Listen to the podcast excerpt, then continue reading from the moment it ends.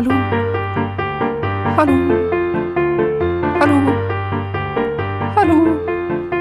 Velkommen til podkasten Hennes hus. Hallo. Hallo. Hallo. Hallo. Velkommen til podkasten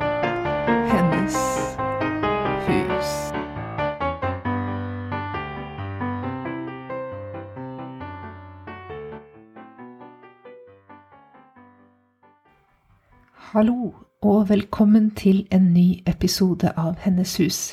Jeg heter Aurora Årås og er vertskap her i podkasten.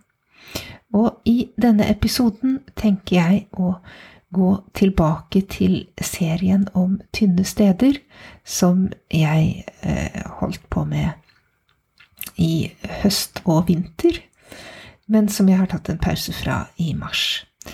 Og eh, jeg tenker å, å, da dra hjem igjen til Norge og til Oslo, hvor jeg bor, og eh, utforske noen tynne steder her i området. Jeg skulle som nevnt veldig gjerne ha reist rundt i Norge, fordi det fins jo fantastisk mange steder eh, overalt i landet eh, som eh, ja, det hadde vært utrolig spennende å utforske.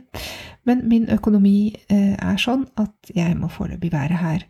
Og jeg, jeg syns det er greit at jeg har vært på de stedene jeg snakker om. Enn så lenge, i hvert fall, så er det et uh, prinsipp jeg har lyst til å følge. Hvem vet, kanskje våger jeg meg ut på viddene i seinere episoder og snakker om ja, ting jeg bare har lest om. Men, men, men, men, det er liksom litt kult å ha erfaring, da.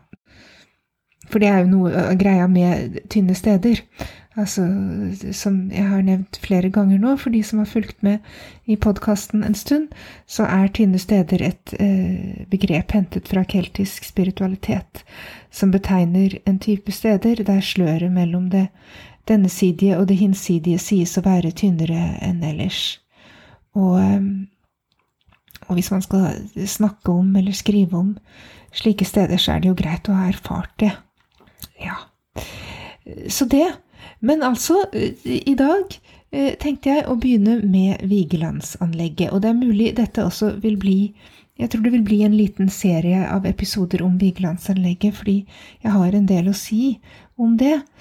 Og jeg kommer først til å gå litt igjennom områdets historie både Frognerparkens historie og Vigelandsanlegget sin historie. Og også snakke litt om Gustav Vigeland selv. Og så vil jeg eh, ta utgangspunkt i en bok som jeg har lest, og fortsatt leser i, som heter eh, Vigelandsparken en esoterisk guide. Den er skrevet av Lille-Bertha Sandved og gitt ut på noe som heter Paradigmeskifte forlag i 2017.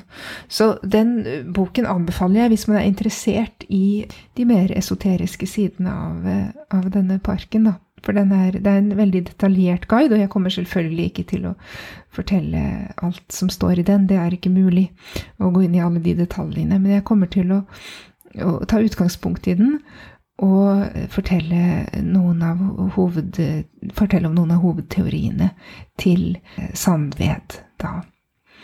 Men aller først så tenkte jeg å fortelle litt om mine personlige erfaringer med Frognerparken. Fordi jeg har jo Jeg bodde i nærheten av den i ganske mange år, faktisk.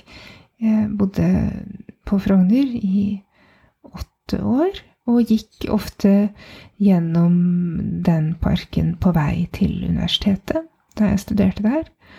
Og syntes den var fin, og ble ofte veldig glad eh, når jeg kom dit. Og ville gjerne ta Det var jo en liten omvei, men, men ville gjerne gå gjennom den, for syntes den var, var fin. Og det tenker jeg at det er uh, ja, det, eller tenker, det vet jeg jo. Det er det jo mange som syns.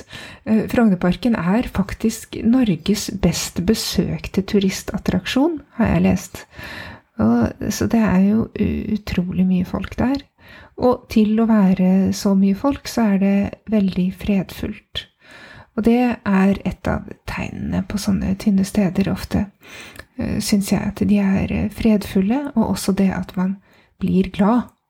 Altså selv om hvis jeg har følt meg trist, så blir jeg mindre trist av å være der. Og, og, hvis jeg har følt meg glad, så blir jeg enda gladere, på en måte, av å komme dit. Det, det er et godt tegn, da.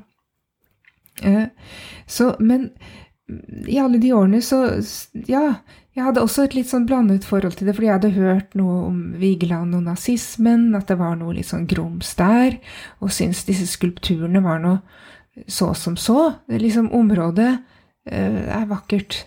Men jeg, jeg ja, hadde sleit litt med, med, det. Og jeg hadde ikke satt meg noe særlig inn i det uh, på det tidspunktet hvorvidt uh, Vigeland faktisk leflet med nazismen eller ikke. Jeg hadde bare hørt rykter om det. Og det preget min oppfatning av skulpturene og, og av eh, anlegget og av ham, da. Men det skal jeg komme tilbake til i en senere episode, spørsmålet om eh, Vigeland og nazismen. Ikke at jeg skal gå veldig dypt inn i det, men, men det bør jo nevnes, syns jeg. Fordi eh, Ja. Det, det, fordi mange har hørt ting om det. Og, og, jeg er ingen ekspert, men jeg kan gjengi det jeg har lest. Ja.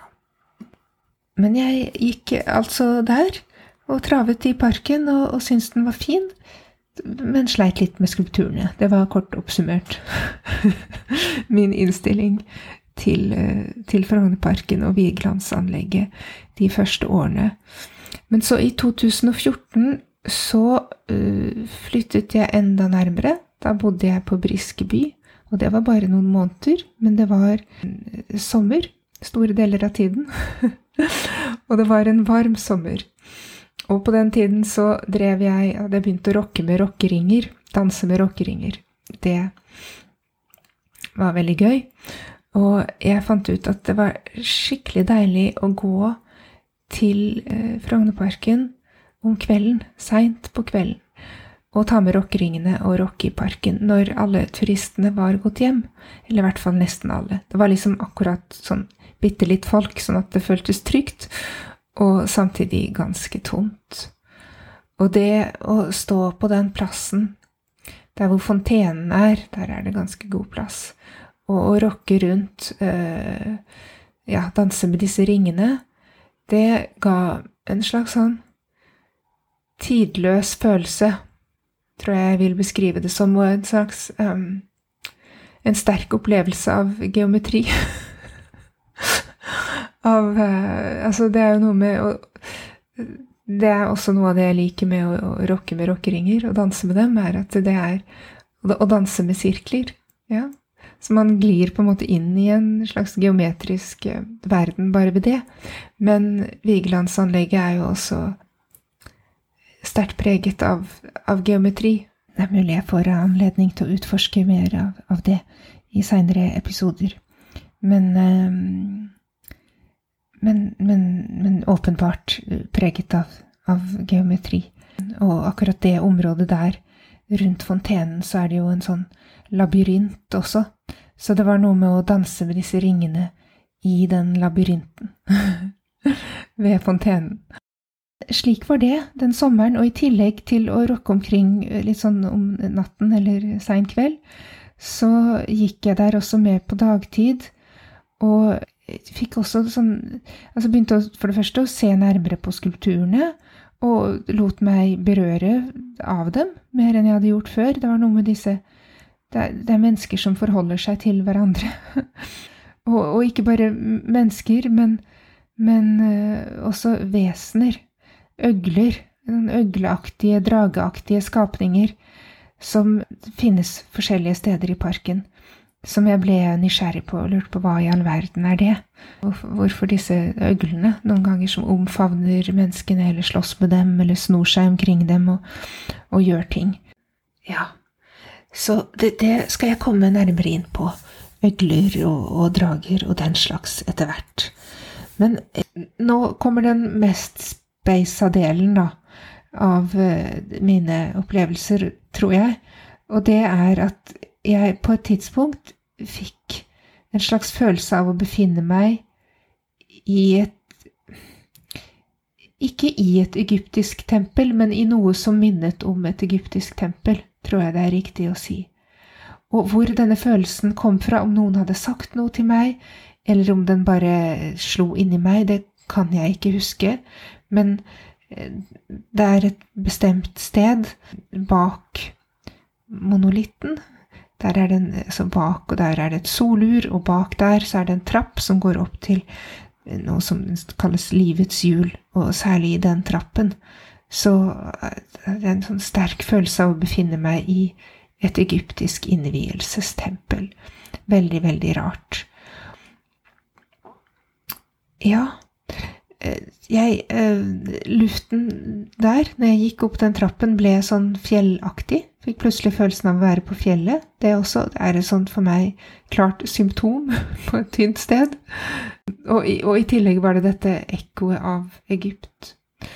Og nå kommer jeg Dette er liksom å gå Det er litt Jeg kommer meg selv litt i forkjøpet her nå, men, så jeg kommer sikkert til å komme tilbake til det.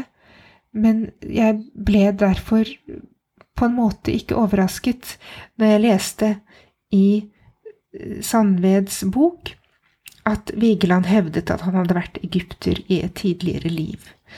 Det skal han ha skrevet i en dagbok i 1922. Og i tillegg så står det i eh, altså Lille Bertha Sandveds bok på side åtte et sitat av en som heter Øystein Parmann. Han var kritiker og esoteriker, så han var også interessert i det, det mystiske, da, det esoteriske.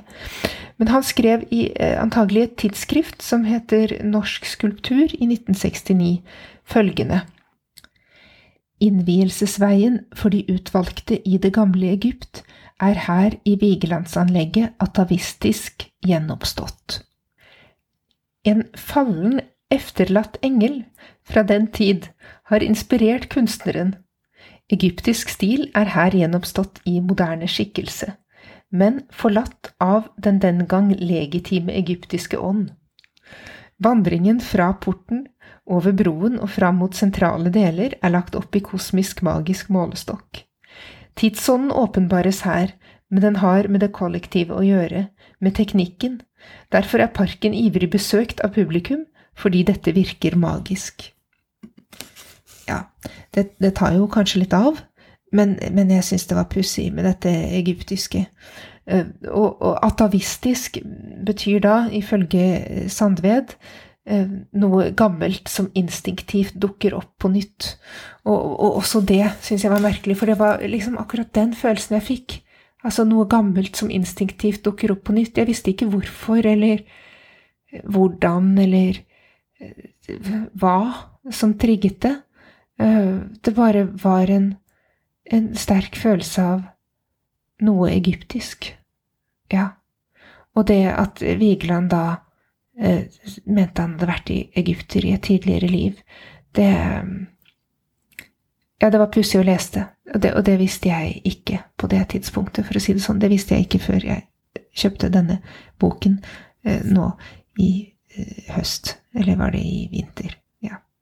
Så, så det. Og, og, sånn er det på tynne steder. Man kan plutselig få bli grepet av den slags stemninger. Og jeg vet ikke hvor det kommer fra, om Vigeland bare følte seg inspirert, om det er hans kreative fantasi som etterlater et avtrykk, eh, altså om det overhodet har noe med Egypt å gjøre, eh, eller om det er hans inntrykk av Egypt som på en måte blir gjenskapt, ikke sant? Det kan man jo gjøre på mange måter, det, ved å gjenskape en stil eller en Ja, en, en type type kunstnerisk uttrykk. Jeg vet ikke. Men det var iallfall eh, det, det skinte i hvert fall gjennom til meg, og jeg tipper til mange andre. Tydeligvis til Øystein Parmann også. og, og, og, til lille Bertha Sandved. Men alt dette skal jeg komme nærmere inn på. Jeg ville liksom bare dele noen av mine erfaringer før jeg begynner å gå inn i det mer historiske og før jeg går løs på Sandveds teorier. som jeg også kommer til å kommentere og komme med innspill til underveis. Det blir de neste episodene. Jeg er ikke sikker på hvor mange episoder det blir. Det blir ikke så mange som Jona, det kan jeg love, men det blir nok noen få. Men jeg tenker at dette er nok for i dag. Det blir en slags liten innledning, og så planlegger jeg da å gå løs på Frognerparkens historie og Vigelandsanleggets historie i neste episode. Og inntil da så ønsker jeg dere bare alt, alt godt i denne fortsatt urolige verden vi lever i. Og hvis dere har spørsmål og innspill og kommentarer, så veldig gjerne ta kontakt hvis dere har erfaringer fra Vigelandsparken slash Frognerparken som dere har lyst til å dele med meg, så er dere hjertelig velkommen til å gjøre det. Og ja, ellers er det bare å si adjø for nå. Farvel. Takk for nå, og god dag eller natt eller kveld eller morgen. Ha det!